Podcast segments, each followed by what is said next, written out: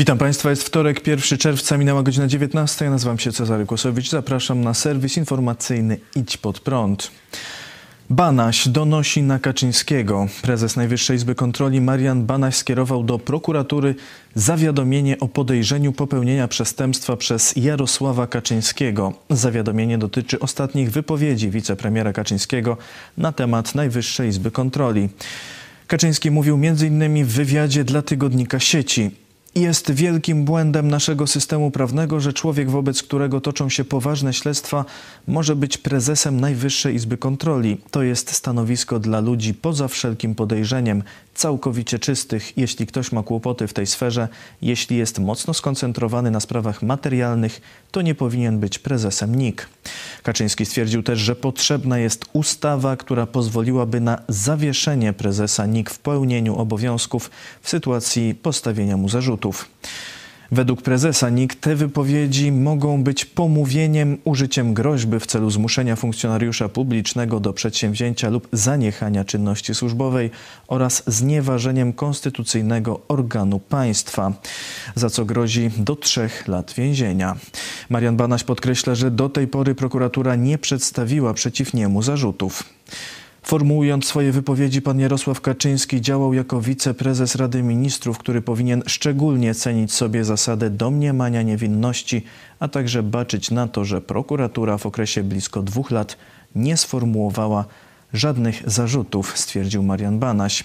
Podkreślił, że jego, zdanie, jego zadaniem jest stanie na straży niezależności Najwyższej Izby Kontroli co oznacza, że nie może dopuścić do sytuacji, w których przedstawiciel jednej z instytucji podlegających kontroli w sposób bezprawny wywiera wpływ na czynności organu kontroli, a także pomawia konkretną osobę o takie postępowanie i właściwości, które mogą poniżyć go w oczach opinii publicznej oraz podległych pracowników.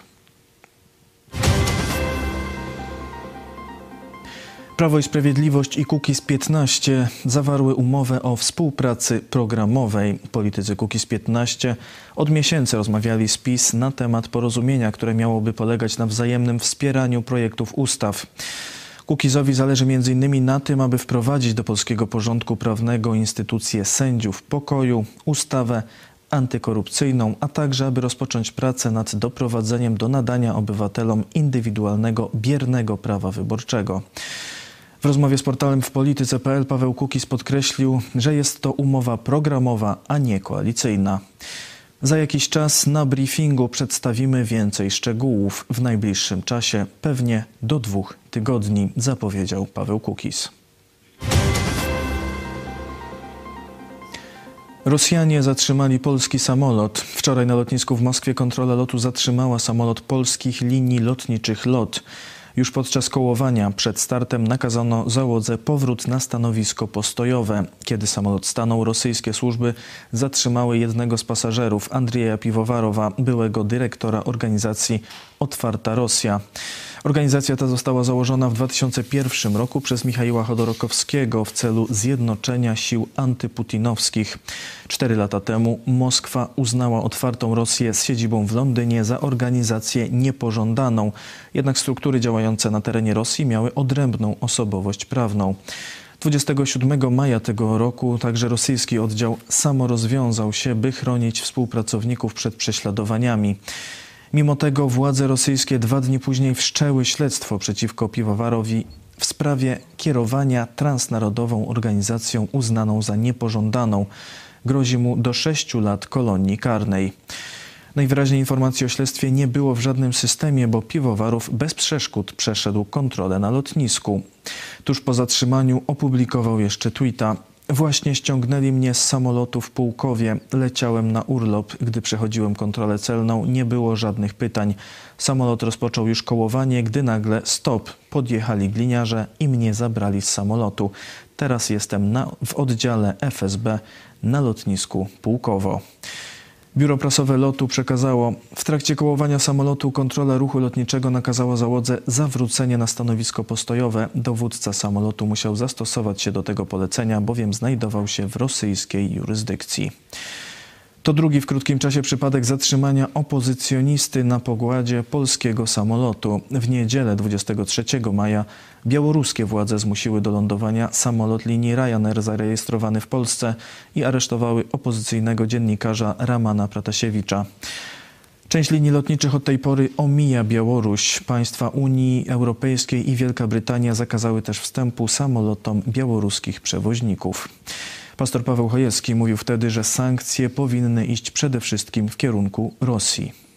Moim zdaniem atak nie powinien iść w kierunku Białorusi twarda, tu jakaś zagrywka Zachodu powinna iść w kierunku prawdziwego mocodawcy, czyli Putina. Jeśli będziemy, on nam tu rzuca na pożarcie Białoruś, tu Zachód się rzuci na Białoruś z tymi sankcjami, atakami i tak dalej, no to mówię, Putin zaciera ręce, mówiąc, no toż mm, teraz Białoruś moja, no bo gdzie oni się zwrócą, nie? Prezydent Biden powinien absolutnie natychmiast anulować te wszystkie zmiękczenia w stosunku do Rosji, a że tak powiem, dołożyć jeszcze w dwójnasób albo najlepiej czterokrotnie tych różnych sankcji. Tu Polska miałaby swoją rolę do odegrania, żeby rozpocząć presję na Niemcy za pomocą właśnie także Unii Europejskiej. Polska powinna pokazać, zobaczcie, co głaskanie Putina dało w rezultacie.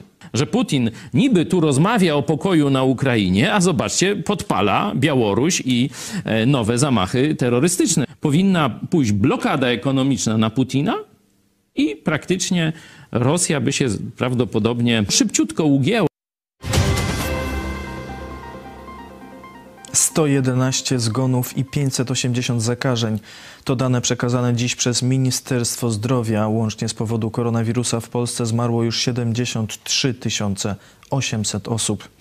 Jak podał resort, liczba łóżek szpitalnych zajętych przez osoby zakażone spadła o ponad 300 do poziomu blisko 4900. W użyciu jest 660 respiratorów. Przeciw koronawirusowi w Polsce zaszczepiło się już 13 milionów 700 tysięcy osób, w tym 6 milionów 300 tysięcy jest już w pełni zaszczepionych. Dziś minister Michał Dworczyk ogłosił, że za kilka dni dopuszczone będzie szczepienie osób od 12 do 15 roku życia. W związku z decyzjami e, Europejskiej Agencji Leków EMY oraz rekomendacjami Rady Medycznej podjęliśmy decyzję, że od 7 czerwca rozpocznie się szczepienie dzieci w wieku od 12 do 15 lat. E, to jest e, ponad 2,5 miliona uczniów, którzy uczą się w 24 tysiącach szkół i placówek oświatowych. Na razie wszystkie dzieci będą e, szczepiły się tak jak dotychczas wszyscy pacjenci w punktach szczepień populacyjnych e, i w punktach szczepień e, powszechnych, tych wszystkich formach szczepień, które są realizowane w ramach Narodowego Programu Szczepień. Natomiast na razie nie rozpoczniemy przed wakacjami szczepień w szkołach. Rozpoczniemy je od września. Minister zdrowia Adam Niedzielski ogłosił, że Polska dołączy do unijnego systemu weryfikującego dokumenty poświadczające przebycie choroby lub zaszczepienie. Certyfikaty będą dostępne w formacie cyfrowym i papierowym. Mają potwierdzać, że dana osoba została zaszczepiona, ma negatywny wynik testu lub przeszła COVID-19. Osoby posiadające certyfikat mają nie podlegać kwarantannie i nie przechodzić dodatkowych testów. Nowa dyscyplina naukowa ratunkiem dla rodziny. Minister Edukacji i Nauki Przemysław Czarnek ogłosił, że zamierza stworzyć nową dziedzinę nauki. Familiologia, czyli nauka o rodzinie, miałaby formalnie zyskać status równy dziedzinom takim jak nauki społeczne czy nauki ścisłe. Już wcześniej minister Czarnek zapowiadał przywrócenie familiologii statusu dyscypliny naukowej, jednak w piątek na Katolickim Uniwersytecie Lubelskim stwierdził, że to za mało. Jakiś czas temu na Katolickim Uniwersytecie Lubelskim wraz z księdzem rektorem ogłosiliśmy, że po zakończeniu tego roku akademickiego i kalendarzowego będziemy chcieli powołać do życia nową dyscyplinę nauki o rodzinie. Od tego czasu rozmawialiśmy w gronie familiologów w Polsce, jak to zrobić i gdzie umiejscowić, bo to, że to trzeba zrobić, to nie ma najmniejszej wątpliwości. Dziś nauki o rodzinie muszą stać się co najmniej odrębną dyscypliną naukową po to, żeby naukowo badać rodzinę, po to, żeby przeciwstawiać się rozmaitym prądom, rozmaitym tezom, które pokrycia w rzeczywistości i nauce nie mają. Doszliśmy do wniosku, patrząc na ogromny potencjał familiologów w Polsce, że najlepsz- najlepszym rozwiązaniem będzie stworzenie odrębnej dziedziny nauk o rodzinie. Ona na to zasługuje, a my tego bardzo potrzebujemy z uwagi na kryzys rodziny i ataki ze strony rozmaitych ideologii. Musimy bronić rodziny naukami o rodzinie jako odrębną naukową dziedziną i to dzisiaj zapowiadamy w Katolickim Uniwersytecie Lubelskim, powiedział minister Czarnek. Plany ministra Czarnka skomentował pastor Paweł Chojecki w programie Idź pod prąd na żywo. Ktoś, kto się przyjrzy istocie tego procesu, to znaczy w jaki sposób można w Polsce naukowo badać rodzinę, by ona się rozwijała. No to państwo Kowalscy, państwo mm, Nowakowie, ym, polska rodzino. Czy cieszysz się, że teraz badać cię będą jak motyla albo jaszczurkę jacyś naukowcy lub pseudonaukowcy? Co oni ci dobrego wniosą do twojej rodziny? To jest moje pytanie do Czarnka. Powiedz, Czarnek, co naukowcy badając rodzinę, wniosą Kowalskiemu, Nowakowi, jego małżonce i dzieciom dobrego do koszyka. Będą kolejne utrudnienia, kolejne głupie przepisy, kolejny socjal i najważniejsze, kolejne granty i etaciki dla pierdzistołków na Kulu albo na innych uczelniach, gdzie te familioki pobudują. Dziś weszły w życie zmiany w prawie o ruchu drogowym. Od dziś kierowcy mają obowiązek ustępowania pierwszeństwa pieszym nie tylko kiedy ci już są na przejściu, ale już kiedy się do niego zbliżają. Piesi natomiast podczas przechodzenia przez jezdnię nie mogą korzystać z telefonów i innych urządzeń elektronicznych w sposób uniemożliwiający obserwację drogi. Ponadto zniesione zostało zróżnicowanie ograniczeń prędkości w obszarze zabudowanym na dzienne i nocne. Od dziś całodobowo obowiązuje ograniczenie do 50 km na godzinę. Kolejna zmiana dotyczy dróg ekspresowych. Kierowcy mają zachowywać minimalną odległość od jadącego przed nimi pojazdu. Ma być ona równa połowie prędkości w kilometrach na godzinę zamienionej na metry. To znaczy, jadąc 80 km na godzinę należy zachować odstęp co najmniej 40 metrów. Przy prędkości 100 km na godzinę odstęp ma wynosić co najmniej 50 metrów.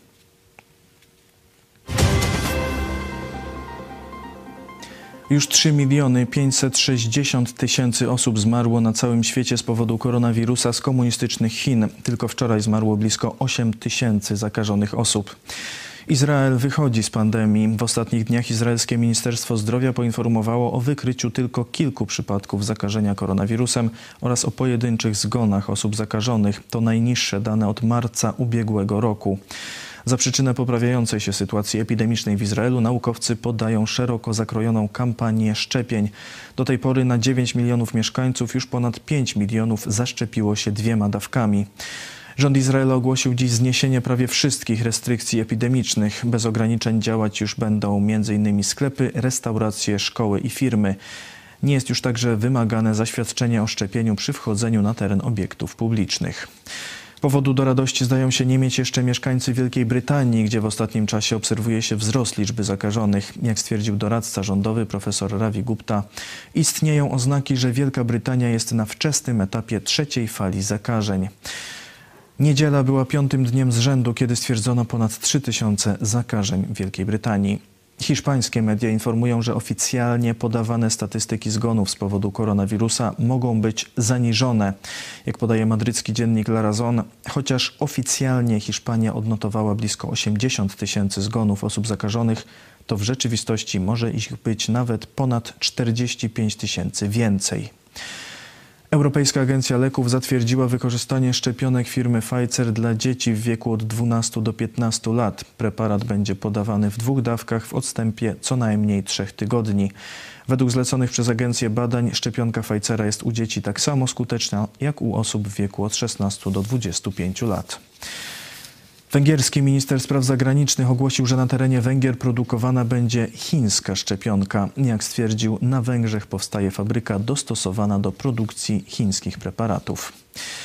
Już siedem państw Unii Europejskiej rozpoczęło wydawanie certyfikatów covidowych. Bułgaria, Czechy, Dania, Niemcy, Grecja, Chorwacja i Polska podjęły decyzję o dołączeniu do unijnego systemu informatycznego weryfikującego dokumenty poświadczające przebycie zakażenia lub zaszczepienie.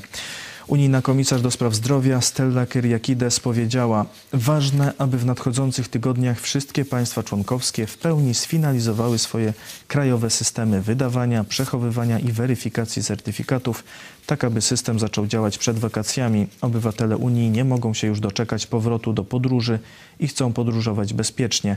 Posiadanie certyfikatu unijnego to kluczowy krok na tej drodze. Brytyjski dziennik Daily Telegraph podaje, że rząd Wielkiej Brytanii rozważa wycofanie się z planów wprowadzenia paszportów covidowych, które miały być wykorzystywane do wejścia na przykład na lokalne masowe imprezy.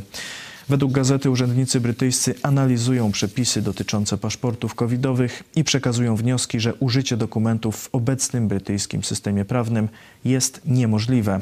Konkretne decyzje jeszcze nie zostały podjęte. To wszystko w dzisiejszym serwisie. Dziękuję Państwu za uwagę. Kolejny serwis jutro o 19, a jeszcze dziś o 20.30 Biblia w czasie zarazy i Ewangelia Mateusza. Do zobaczenia.